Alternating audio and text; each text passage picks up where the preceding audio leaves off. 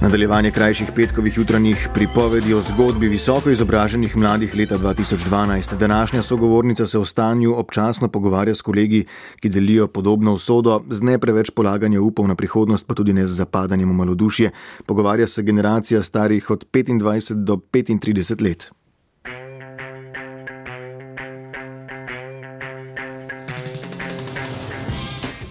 Smo nekako soočeni z dejstvom, da moramo oklestiti svoje pričakovanja.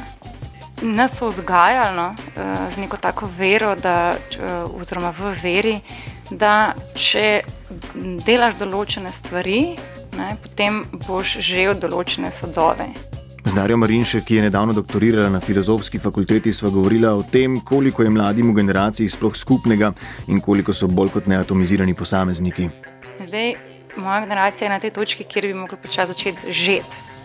In nimamo česa žeti, in to, eh, to se mi zdi hujša kriza. Ne, ker potem vodi v malodušnost, in ker vodi v zelo veliko mojih prijateljev, v bistvu se že preselili v tujino, oziroma načrtujejo ali pa iščejo izhod. Um, tako da na tej točki pa potem pride, prihaja do razhajanja, ker smo tako izgubljeni v tej situaciji, ki je nismo pričakovali in ki jo nekateri v bistvu ne želijo sprejeti, ker so tako razočarani in jezni, hkrati ne, ne moreš biti na nobenega konkretnega človeka jezen in potem vodi v, frustra v frustracijo. In potem pride pa do uh, razhajanja, ker v bistvu je vsaka razlika, ki je bila prej mogoče mehna, zdaj ta fulvelka. Ful Ker naenkrat v bistvu vidiš, da, stoj, da stojiš na nasprotnih bregovih. Ker tako, ko imaš malo različno situacijo, družbeno se ti zdi, da si v bistvu bistveno bolj škodovan kot kdorkoli drug. Um, in, in ne moramo več razviti skupnega jezika, tega v bistvu meni najbolj strah. Včasih je slišati skoraj kot očitek, češ, kaj si se pa odločila za tako smer in ne za kaj bolj sigurnega, perspektivnega. Ravno včeraj je bil eh, tlejen prijatelj Bremen, v bistvu, ki je tudi uh, pred kratkim doktoriral in sicer sociologije in isti dan izgubil službo. In smo se pa pogovarjali in on rekel, da je grozen, kako njemu učitajo zdaj, ne? da kako se lahko tega lotil, zato ker on se ni tega zdaj lotil in tudi jaz, seveda, se nisem tega zdaj lotila. Ne? Mi smo se, v bistvu, jaz sem se pod, na podiplomski študij upisala že pred šestimi leti, pa sem šla pa na neposredni prehod in tako naprej. Tako da takrat, ko smo se mi v bistvu upisali, nam nobeni povedal, da v bistvu bomo pa zdaj eh, čist, čisti višek. Uh, tako da. Um, moja odločitev ni bila pogojena s tem. Moram pa reči, da jaz upam, da tudi če bi to vedela pred šestimi leti, da, da kljub temu ne bi bila pogojena s tem. Mislim, da ne moramo zdaj vsi študirati deset let nečesa, kar, država, kar, kar iz vidika države um, pomembno ali pa koristno, potem pa, ko se bo plošča zamenjala, pa gremo vsi na drug faks, mi se pa kaj fakultete, ker zapirajo. In odločila se je Darja Marinšek, ker dolgo, dolgo goji ljubezen do literature, predvsem ameriške.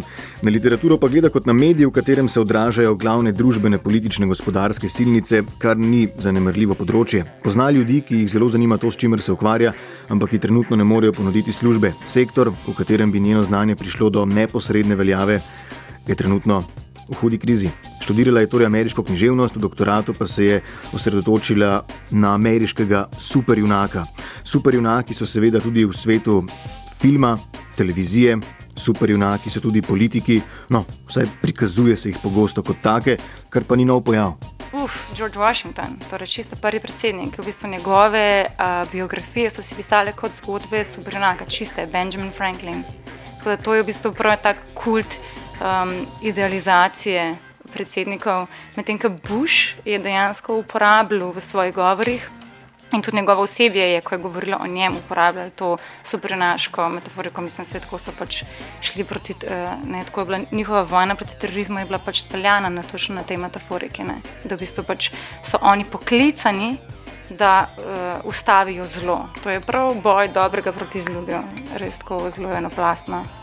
Za preživetje je literarna prevajalka, z začetki v času dodiplomskega študija, kasneje se je zaposlila na založbi kot urednica, zadnje tri leta pa prevajala poslovje. Poleg plačila je težava pri prevajanju tudi izbira tekstov, naprimer, ki jih prevaja, ker o tem pač ne odloča ona, čeprav priznava, da je vsaka knjiga svoj vrsten izziv. Kaj pa pritisk občinstva, ki zna biti precej kritično, deloma kritizersko.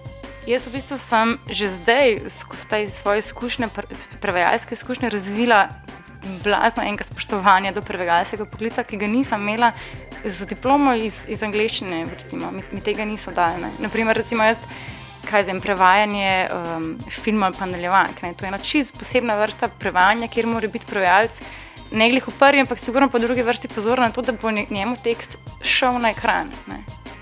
In tako da bi so recimo nekdo, ki tega nikoli ni dal skozi, pa naprimer potem koment, lahko komentirajo, le kaj ni, recimo kaj zem, urin vseh informacij ali pa izpustil ali pa bi bil pomenski o tem, ki je zanemaro. Ne? To se pač ne da. In takih hakelcev je zelo veliko.